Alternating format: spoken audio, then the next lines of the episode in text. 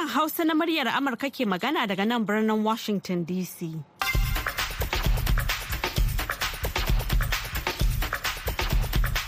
Jama'a masu sauraro Assalamu alaikum barkamu da wannan lokaci. Yanzu ma Maryam Dauda ce tare da Grace Alheri Abdu da sauran abokan aiki muka sake dawo muku da wani sabon shirin na hantsi a yau Laraba ɗaya ga watan Fabrairu na shekarar 2023.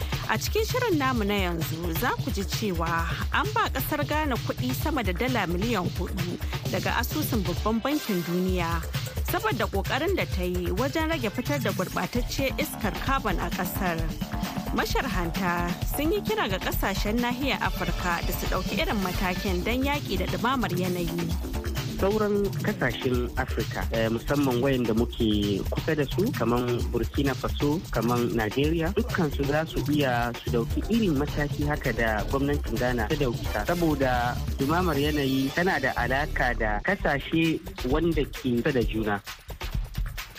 To za ku ji ƙarin bayani nan gaba, kamar kowace ranar Laraba a wannan lokacin. Yau ma muna nan tafa da shirin ciwon ya mace wanda Aisha Ma'azu ta shirya za ta kuma gabatar da ma sharhin jaridu daga ƙasar Kamaru. Amma yanzu dai sai a gyara zama a sauraron labaran duniya kashi na farko. Jama'a salamu alaikum barkamu da hantsi ga cikakkun labarai mai karantawa alheri Grace Abdu. Jami'ai sun bayyana jiya talata cewa ƙasar brazil na shirin kafa wani kwamitin musamman da ya ƙunshi jami'an soji 'yan sanda da kuma cibiyoyin gwamnati da nufin korar masu haƙar zinari da suka mamaye yanumami ana ɗorawa sama da masu haƙar ma'adanai dubu ishirin alhakin barkewar cututtuka da tashin hankali da kuma yunwa da ake fama da su a ƙauyen na yanumami wanda yake nesa da wata maraya kan iyakar brazil da venezuela. Ministan tsaro jose mosio ya ce ana buƙatar jami'an soji su fitar da masu haƙar ma'adanai waɗanda suke da makamai sosai da kuma jirage masu saukar angulu. Mosio ya faɗa wata hira da tashar talabijin ta ban cewa nan ba da daɗewa ba za mu shiga kafar wando ɗaya da su. Muna buƙatar kawar da rashin imani. Yanzu da aka baza jami'an soji da dama a ƙauyen mayaƙan ruwa za su yi sintiri a rafuka su ƙwace jiragen kwale-kwale yayin da mayaƙan sama kuma za su yi gadin sararin sama su hana jiragen da ba a yarda da su ba sauka. Ƙasar iran tana matsayi na 147 daga cikin ƙasashe 180 a jerin ƙasashen duniya da aka fi cin hanci da rashawa bisa ga rahoton da wata ƙungiyar sa ido ta fitar jiya talata. Rahoton ƙungiyar sa ido ta transparency international na nuni da cewa iran an ba ta maki 25 na matsayin cin hanci da rashawa bisa ga sikelin gwajin matsayin cin hanci da rashawa a ƙasa. Sifili yana nufin ana ƙazaman cin hanci da rashawa ɗari kuma yana nufin ba a cin hanci da rashawa. Makin da ƙasa ta samu yana kwatanta irin cin hanci da rashawa da ake yi a ƙasar idan aka kwatanta da sauran ƙasashe rahoton ya bayyana cewa maki da aka ba ƙasar yana iya sakewa idan al'amura suka sake rahoton na cibiyar sa idon ya bayyana cewa ƙasashen da suka sami maki mai yawa ba su cika fuskantar barazanar tashin hankali kamar sauran ƙasashe ba. Papa Roma Francis ya isa Kinshasa babban birnin ƙasar demokaradiyyar jamhuriyar Congo a jiya talata wata ziyara ta kwanaki shida da zai yi a ƙasar da kuma Sudan ta kudu. Papa Roman ya isa da saƙon zaman lafiya kwanciya hankali da sasantawa a ƙasashen da suka yi fama da rikici na tsawon shekaru. Tun farko Papa Roma Francis ya yi niyyar ziyartar goma da ke arewacin Kivu. Sai dai soke wannan shirin sabili da tashin hankali da aka yi tsakanin 'yan tawayen m23 da dakarun ƙasar na congo. Mai nazarin lamura da fashin baki kan harkokin siyasa tanyoma rukumbuzi ya ce papa roman zai dawo zai jawo hankalin duniya kan rikicin da ake a demokaradiyyar jamhuriyar congo. Ya ce sabili da matsalar tsaro da ake fama da ita a yankin da ke shafar farin kaya yayin ziyarar tasa. Sakonsa zai ja hankali kan ta'asar da ake tafkawa a yankin da ke ƙara muni zai kuma yi kira da a kare rayukan farin kaya. To labaran na zuwa muku ne daga nan sashen hausa na murya amurka a birnin washington dc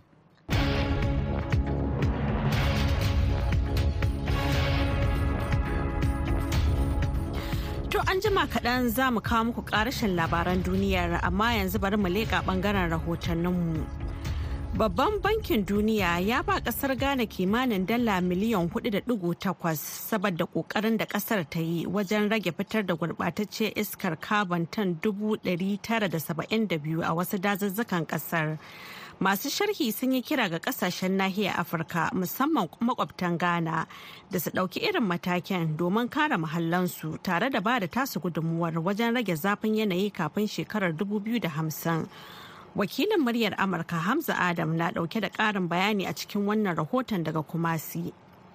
Wannan kuɗi da gwamnatin Ghana ta samu daga babban bankin duniya ita ce kashi na farko cikin huɗu na alkawuran da asusun bankin duniya ta yi ƙarƙashin yarjejeniyar rage fitar da gurbatacciyar iska wato Emission Reduction Payment ERPA a taƙaice da ta kulla da wasu ƙasashen nahiyar Afirka. Yayin jawabinsa bayan gabatar da wannan kuɗin daraktar babban bankin duniya a ƙasashen Ghana da Liberia da Sierra Leone wato Pierre Laporte ya ce wannan kuɗin da muka baiwa Ghana musanya ne na matakin da ta ɗauka na rage fitar da iskar mai guba kuma za ta iya samun miliyan hamsin na dalan amurka har inda ƙasar ghana ta iya ta rage yawan fitar da gurbatacciyar iska ma'aunin tan miliyan goma kafin shekarar 2024 in ji shi. Shi kuwa ministan filaye da albarkatun kasa honorable samuel jinapo ya ce gwamnatin ghana tun lokacin da an ka bullo da wannan shiri ne ta tattauna da masu ruwa da tsaki musamman manoma da sarakunan gargajiya da wasu hukumomi ƙarƙashin gwamnati da ƙungiyoyin zaman kansu. Kuma ko shakka babu wannan yunkurin ya haifar da ɗa mai ido. Wannan kuɗin zai ƙara mana kwazo. Mu ci gaba da kare dazukan mu tare da rage yawan fitar da sinadarin carbon in ji shi. Na tuntubi masanin harkar yanayi kana babban jami'i a hukumar kula da harkar noma ta ƙasar ghana malam jafar dankwabiya inda na yi masa tambaya ko shan ya ji da wannan mataki da gwamnatin ghana ta ɗauka har ma ta cimma wannan nasara? Wannan abun da aka samu har aka iya world bank ta ba da wannan kuɗi wurare uku za mu ce an iya an samu wannan ci gaba. Gwamnati ta kawo wani sabon mataki abin da ake ce ma climate smart agric. Wannan bai ba a neman a yanka itacuna sa'an nan a yi shukin wannan koko. Ya kai ma dai a shuka itacuna saboda a iya a kiyaye wayannan koko. Shekara kamar biyu da ya wuce an kawo wani project daga Ministry of Environment ana kiran shi Green Ghana. Green Ghana ta yi ƙoƙarin shuka itacuna sama da miliyan biyar. Yau waye na itacuna wasunsu suna shekara ɗaya ko shekara biyu. Itace in ya riga ya kai wannan matsayi har ya iya ya saya to yana ka da ragewan wannan carbon dioxide a cikin sararin sama. Gwamnati ta kawo free crop development authority. Wannan sabon abu ne aka same ta saboda a iya a samu shuka itacuna da rage carbon dioxide da ke cikin sararin sama a kasa ababai ukun ga duka da aka aka yi abu ne da yau in an dube ta tana da alaka da wannan samuwan da ake halwar bank ta iya ta ce an yi ƙoƙari. Malam Jafar na ganin kamata ya da wasu ƙasashen nahiyar Afirka su yi ƙoƙarin ɗaukan matakai makamantan haka domin ganin sun rage yawan fitar da iska mai guba tare da ba da nasu gudunmuwa wajen rage yawan zafi a sararin samaniya kafin shekarar dubu biyu da hamsin. Sauran ƙasashen Afirka musamman wayanda muke kusa da su kamar Burkina Faso, kamar Najeriya, kamar Togo dukkan su za su iya su ɗauki irin mataki haka da gwamnatin Ghana ta ɗauki ya amfanar da sauran ƙasashen da ke nahiyar Afirka. Saboda dumamar yanayi tana da alaka da ƙasashe wanda ke da juna. In an samu gurbataccen yanayi a ghana zai iya ya samu alaka da yanayin da ke kamar togo ko burkina faso. Hamza adam muryar amurka daga kumasi ghana.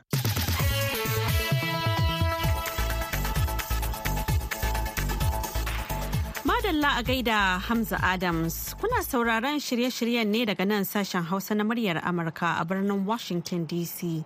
To yanzu kuma ga ƙarashin labaran duniyar. Masu sharhi kan lamura a Amurka sun bayyana cewa ziyarar da sakataren harkokin wajen ƙasar Anthony Blinken zai kai Beijing ba ta nufin za a samu wani gagarumin canji a dangantaka tsakanin China da Amurka.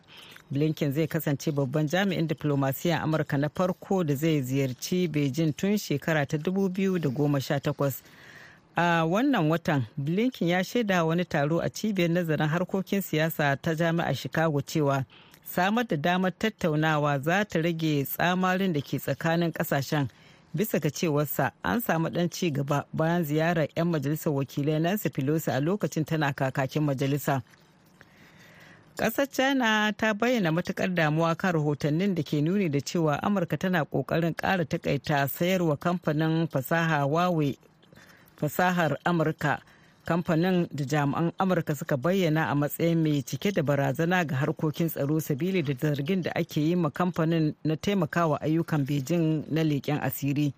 Kamar yadda mujallar Financial Times ta wallafa ma'aikatar harkokin cinikayya ta amurka ta sanar da kamfanonin amurka cewa ba za ta ci gaba da ba da lasisin saidawa kamfanin fasaha ba. Ta haka ake toshe hanyar sayarwa kamfanin da ke da zama a shenzhen muhimman abin da yake buƙata. An fara sa ido da takawa kamfanonin china birki ne a ƙarƙashin gwamnatin trump wadda ta sassa kamfanin hawaii a jerin kamfanonin da aka haramta sayarwa fasaha a shekara ta 2019 sai dai aka daga wa waɗansu kamfanonin afirka wato amurka kafa da suka hada da qualcomm da kuma intel da su daina samar da lasisin fasaha ko kuma su samar da lasisin fasaha da ba na 5g ba. Tun da ya hau mulki a shekara ta 2001 shugaba joe biden ya ɗauki tsauraran matakai fiye da ma yadda na magabacinsa donald trump. Yanzu haka dai bisa ga dukkan alamu gwamnatin biden tana kan hanyar haramta sayar da kowace irin fasaha ga kamfanin a cewar sam hotel wanda ya nazarin kimiyya bayanan ƙididdigi a cibiyar sabuwar fasaha tsaro ta ƙasa da ke amurka.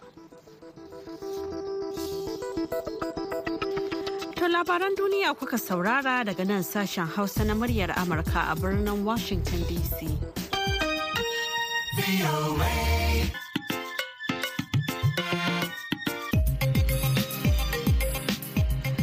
Madalla, to kafin mu je ga shirinmu na gaba, ku ɗan shakata da wannan waƙar.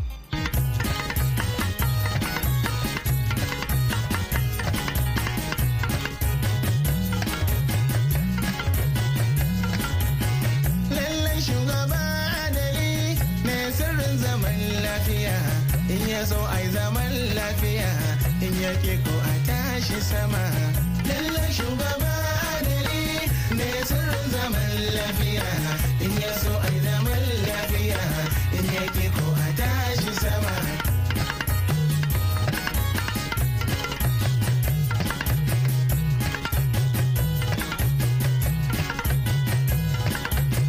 Amshin waƙa in ka ji bari in buɗe maka. Ai mulki ni'ima ce ta Allah. Sannan shi ne hanyar halaka. To har yanzu dai kuna tare da sashen Hausa na muryar Amurka a birnin Washington DC akan mitoci goma sha bakwai ashirin da biyar da kuma sittin. A jamhuriyar Nijar kuma za a iya sauraron mu a tashar mu ta VOA Africa akan mita ɗari da biyu da biyar zangon FM. Bayan haka a ko da yaushe za a iya jin mu ta yanar gizo a voahausa.com ko kuma sashen hausa.com. To yanzu kuma ga shirinmu na gaba.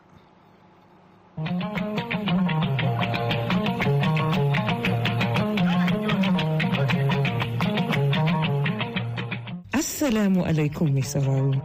Barka da hantsin wannan rana, kuma barka da kasancewa da ni Aisha Mu'azu a cikin shirin ciwon ya mace daga nan sashen Hausa na muryar Amurka. To idan mai sauraro ya kasance da shirin ciwon ya mace a makon da ya gabata. Akala shirin ta karkata kan yadda mata a arewacin Najeriya suka farga da kafa ƙungiyoyin taimakawa al'umma sannan da kuma irin tasirin da waɗannan kungiyoyi suke da shi ga ci gaban al'umma. Kuma lokaci ya ci mana a daidai sa'ad da Hajiya Hultum Umar take cewa kin ga na kowa ne ba naka kaɗai ba ne shi yasa yake da kyau irin wa'annan abubuwan akwai su da za su taimaka ma matasa. Saboda yanzu ko a cikin gida ma za ki ga 'ya'yanmu suna lalace. Ba wai sai wanda ya fita ba. Su suna buƙatar waɗanda za su jagorance su har su samu abubuwa su musu kyau a rayuwa. Kuma kin ga duk abin da kai ba yaro ko kama mutum tsakaninka da Allah ne. To kamar a makon jiya muna tare da bakin namu Hajiya Ultum da Malama Fatima Ali Muhammad wacce aka fi sani da Yasmin mai nasara shugabar ƙungiyar iyayen marayu da gajiyayyu kan harkar ilimi. Ai sauraro lafiya. Hajiya Ultum kina ganin akwai wani mahimmanci game da kafa irin waɗannan kungiyoyi kafa kungiyoyi na da mahimmanci idan mutum ya je neman taimako a saman shi ɗaya ne ka a bashi mahimmanci kamar yadda za a ba waɗanda suka je a kungiyance saboda kin ga suna da dokoki suna da ka'idodi na ƙungiya so za ki ga cewa in aka je a kungiyance sai an fi ba su kulawa saboda wannan tsarin da suka ɗauka. Sannan kin ga al'umman gari sun fi ba wa kungiyoyi mahimmanci saboda an fi ba da kulawa. Yanzu matan arewa suka farka kowa yana shiga kungiyoyi da zai taimake shi. Kuma kin ga haka ana tasiri sosai. Yana taimaka ma mutane al'umma sosai sosai. Kamar waɗannan kungiyoyi suna taimakawa ta wajen tattalin arziki taimako wajen aikin hannu noma da sauransu. To yana nan daban-daban daban-daban daban haka kuma gaskiya ana samun ci gaba sosai. Kin ga wasu kungiyan suna na karatu ne su taimaka ki ga matasa an ba su scholarship sun je sun yi karatu. Ko a nan ƙasa ba sai sun fita ba.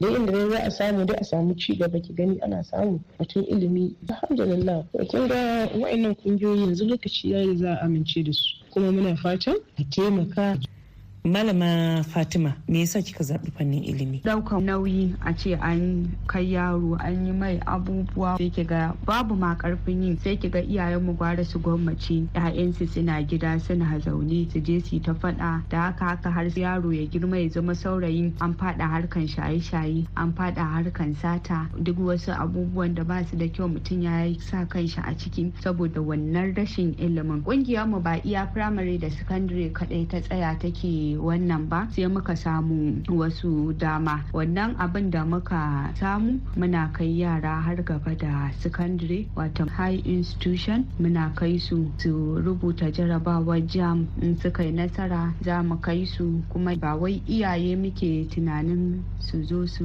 biya wa 'ya'yansu kuɗin makaranta ba. Ƙungiya ce za ta yi sosin ta zo ta biya wa yaro kuɗin makaranta. Saboda maganan gaskiya wasu yaran da yawan an gama makarantun sakandare din. Amma iyaye su je koyayye su nemo ma admission ba su san ma ta ina za su fara samu wannan admission din ba. Wasu kuma idan sun san hanyar da su samu wannan admission din ba za su iya ɗaukan nauyin dan ya yi karatu ba. Wajen biyan kuɗin registration fee da dai sauran abin da ya shafi su maganan hand out da su waye waye iyaye ba su iya affording. To in gaya miki ma yawanci gaskiya 80% na iyayenmu na gida ba ma su sanya za su je su samar wa 'ya'yansu admission ba saboda kawai ana ganin cewa Najeriya wai an mai da ita wa ka sani wa isan ka ne. Abin da mutane suke ɗauka while ba haka ba ne ba sai ka gwada tukunna zaka san cewa shin sai ka sani an san ka ne za a yi ma ko yaya ne. Sai muka magance wannan matsalar. Wasu zaki ga sun yi shekara biyu a gida shekara uku da gama makarantun sakandare amma suna nan a gida a zaune. Suna zama mutanen da ba na kirki ba a cikin al'umma. Sai muka fitar da hanya da za mu kai su makarantun gaba da sakandare daga kan maganan polytechnic irin su sa'adatu rimi haka muka fara. Sannan kuma yanzu muna da list din yaran da muka ɗauka da za biya musu jam su su je su rubuta. In allah ya ba su nasara da izinin allah muke fata direct su samu admission kuma su tafi. Gare ki hajiya kultum ko za ki iya mana misalin irin fannoni da za a iya ba da gudunmawa a kai? Kin ga kaman kungiyoyi da suke taimaka ma mata da ba su da ilimi na boko. Saboda kin ga zamanin yanzu zamani ne na boko. Akwai mata a ƙauyuka da ba inda za su yi suna nan ne kawai. Zuwa innan kungiyoyi da za su je su fahimtar da su akan wasu abubuwa na tattalin arziki a koya musu aikin hannu da za su taimaki kansu. Misali dinki girki baking sai kuma a zo kan noma da sauransu. Ba wa'annan kaɗai ba suna nan da yawa. Misali kawai na bayar da wa'annan to kin ga irin wa'annan ƙungiyoyi suna da mahimmanci a al'umma. Wannan tambayar taki ce malama fatima. Kafin mu fara wannan tattaunawar kin yi min bayanin wani tsari da kuka kirkiro na ga abu ne da ya zo ya yi wahala musamman a yanzu da aka samu ƙarin kuɗaɗen makaranta ta ɓangaren asu sai muka fitar da wani tsari. Tsarin da muka fitar shine akwai kamar yara wanda suka gama makarantun sakandare su ma kafin su kai ga yin jam su tafi makarantun gaba da sakandare. Sai muna kai yara suna koyon sana'a kamar maza muna kai su gurin koyon gyaran mota kamar Mercalli wannan zai taimaka musu ko da allah ya sa sun samu admission su je makaranta su dawo. Sun san suna da abin yi suna kuma da inda su je su dan samu 'yan canjin su wanda a gaba za su iya biya wa kansu kuɗin makaranta. Mutum kin ga ya zama na cewa ba shi da wani lokaci. Ka je makaranta ka dawo ga inda aka je ka nemi kuɗi kana da abin yi. Sannan mata ma kuma ta nan ɓangaren muna kai su kamar su koyi dinki tailoring domin su tsaya su riƙe kansu. Yarinya in ta mai da hankali za ta iya ta fitar da design din kaya ta dinka ta siyar. Ga materials nan da ta siya. Sannan ba iya nan muka tsaya ba abin da danganci ɓangaren mata iyaye kuma a gida. Muna koyar da su sana'ar da za su riƙa amfani da shi ne a gida. Sannan kuma za su iya su juya su siyar makwabtansu su siya kuma su siye shi da sauƙi mun fitar da wannan layin ne domin su kuma su tallafa wa 'ya'yansu ɓangaren karatu. In ɗanka ya dawo gida ya ce ba shi da takarda ba sai ka tsaya kana tunanin ta ina za ka samu kuɗi ba. Wannan shine dalilin da isa muke koyar da iyaye sana'a. Ba kawai koyar da su sana'a muke yin da tafi ba a'a ana koyar da su yanda ma za a yi siyar da sana'a. Saboda in kika duba iyayenmu da yawa wasu sun iya sana'o'in amma ko kin ɗauki jari kin ba mutum ya juya bai san yanda zai juya ba saboda bai san yanda zai siyar da shi ba. Sannan idan an koya ma yadda zaka siyar da ita ba haka kaɗai ake barin ka ba. Ƙungiya tana baka ko ba shi da yawa ka ja jari. Kuma ana monitoring ba wai za a rabu da kai ba ne ba. Misali ƙungiya ta baka 20,000 ka ja jari sai ta ɗauki lokaci. Da ta ɗaukan ma za ta iya cewa riman an baka 20,000 ƙungiya tana monitoring sai after 3 months ta dawo. Domin ta gaya kake tafiya da jarinka. Sai ta ga wannan kuɗin ya zama dubu ishirin da biyu. Alhamdulillah an ci gaba. Ba a je a baka dubu ishirin ba bayan wata uku sai a zo a ga dubu goma sha bakwai. Babu ci gaba a wannan. In muka koyar da sana'a muna koyar da yadda za ka siyar. To Hajiya Kultum kina ganin akwai wasu matsaloli a cikin al'umma da ya kamata masu kirkiro irin waɗannan kungiyoyi su mai da hankali a kansu? Kwarai daga matsaloli da za a iya kafa kungiyoyi a kai a nan arewa tana da ɗan yawa.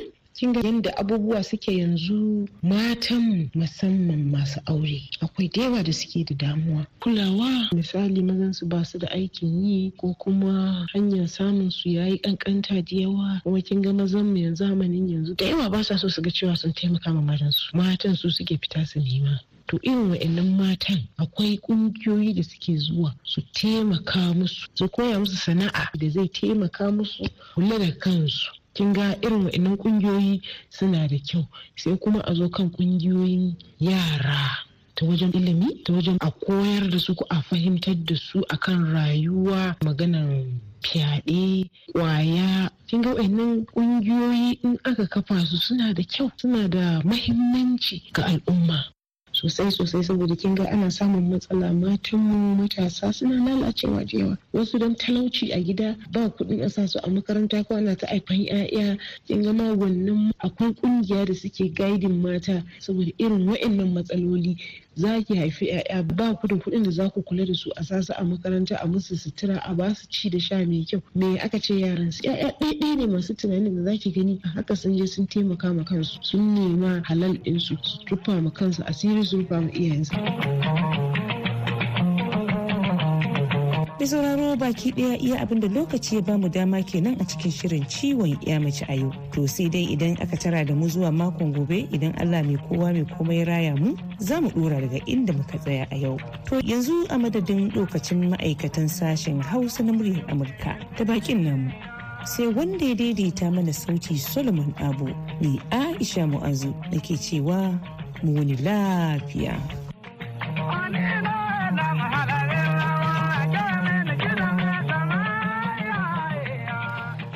Madalla a gaida Aisha Mu'azu, to yanzu kuma ga sharhin jaridun ƙasar Kamaru.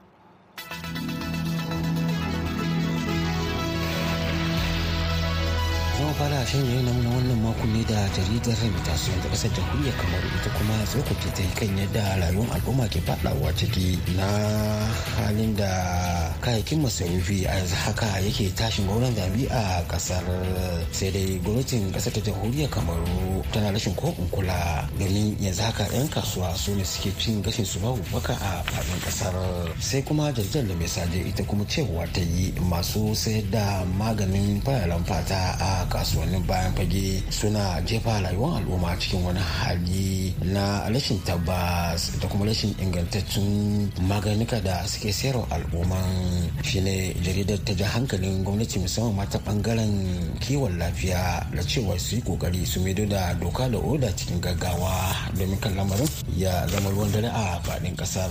Jaridar cameroon tribune kuma ta yi magana ne kan yadda hukumar ƙasar chadi suka aiko mazo na musamman domin yi wa shugaba paul biya godiya a ofishinsa da ke birnin yawunde kan yadda ya ba wa gwamnatin rikon kwale shawarwari na yadda za su yi su gudanar da taron su na haɗin kan ƙasar da kuma yafe wa juna. Shugaban rikon kwarya janar muhammad idris dave itino ya ce shugaba paul biya ya taka rawar gani wajen ganin cewa an cimma buri na gudanar da wannan taron. Jaridar economy kuma cewa ta yi jihohin guda shida na ƙasar jamhuriyar kamo za su iya fadawa cikin wani hali na tsananin ruwan sama kamar da bakin kwarya. Kuma ruwan saman zai iya yi musu mummunan ta'adi. A daidai wannan lokaci da ake gudanar da ruwan sama a ƙasar jamhuriyar kamaru shine jaridan take jan hankalin gwamnatin ƙasar kamaru da cewar ya cancanta a yi ƙoƙari na ganin cewa an gudanar da rasa ayyuka na musamman na katta kwana domin kar ruwan saman ya laƙume rayuwar al'umma. Jaridar ecohosan kuma cewa ta yi gwamnatin ƙasar jamhuriyar kamaru za ta gudanar da alwar rigakafi na cutar gudawa da amai a jihohin da suke fama da ambaliyar ruwan sama domin hana kamuwa da cututtukan nan na zazzaɓin cizon sauro da kuma gudawa da amai din a faɗin ƙasar jamhuriyar kamaru. Za mu kammala shan jaridar na wannan makon ne dai da jaridar the guardian post ta ƙasar kamaru ana ita kuma ta gulmata mana cewar ma'aikatan kamfanin ganyen shayi na cdc da ke ɓangaren yan aware sama da guda dubu ne dai yanzu haka za su rasa guraben ayyukansu a kamfanin domin rashin biyan su albashinsu na tsawon watanni talatin da kamfanin bai yi ba. Sannan kuma 'ya'yan ma'aikatan da alama ba za su samu komawa karatunsu ba na wannan shekarar. Mahama awal garba muryar amurka daga ƙasar kamaru A gaida Muhammad Awal Garba, to yanzu kuma ga takaitattun labaran duniya. Jami'ai sun bayyana jiya talata cewa ƙasar Brazil na shirin kafa wani kwamitin musamman da ya ƙunshi jami'an soji, 'yan sanda da kuma cibiyoyin gwamnati da nufin korar masu haƙar zinari da suka mamaye Yanomami. ana ɗorawa sama da masu haƙar ma'adinai dubu ishirin alhakin barkewar cututtuka da tashin hankali da kuma yunwa da ake fama da su a ƙauyen na yanomami wanda yake nesa da wata maraya kan iyakar brazil da venezuela ministan tsaro jose musio ya ce ana buƙatar jami'an soji su fitar da masu haƙar ma'adinan waɗanda suke da makamai masu yawa da kuma jirage masu saukar angulu.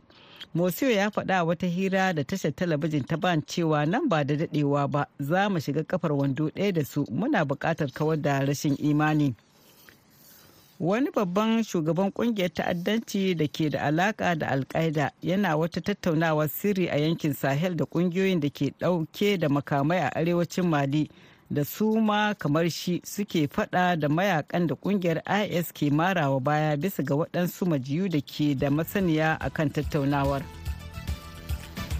To masu sauraro a nan muka kawo ƙarshen shirinmu na wannan lokacin sai kuma can an jima da rana za ku ji abokan aiki madauke da wani sabon shirin. Yanzu a madadin Grace Alheri Abdu da ta taya na gabatar da shirin da Solomon Abu wanda ya haɗa shirin da ma injiniyan Macau. Ni Maryam Dauda ke cewa huta lafiya.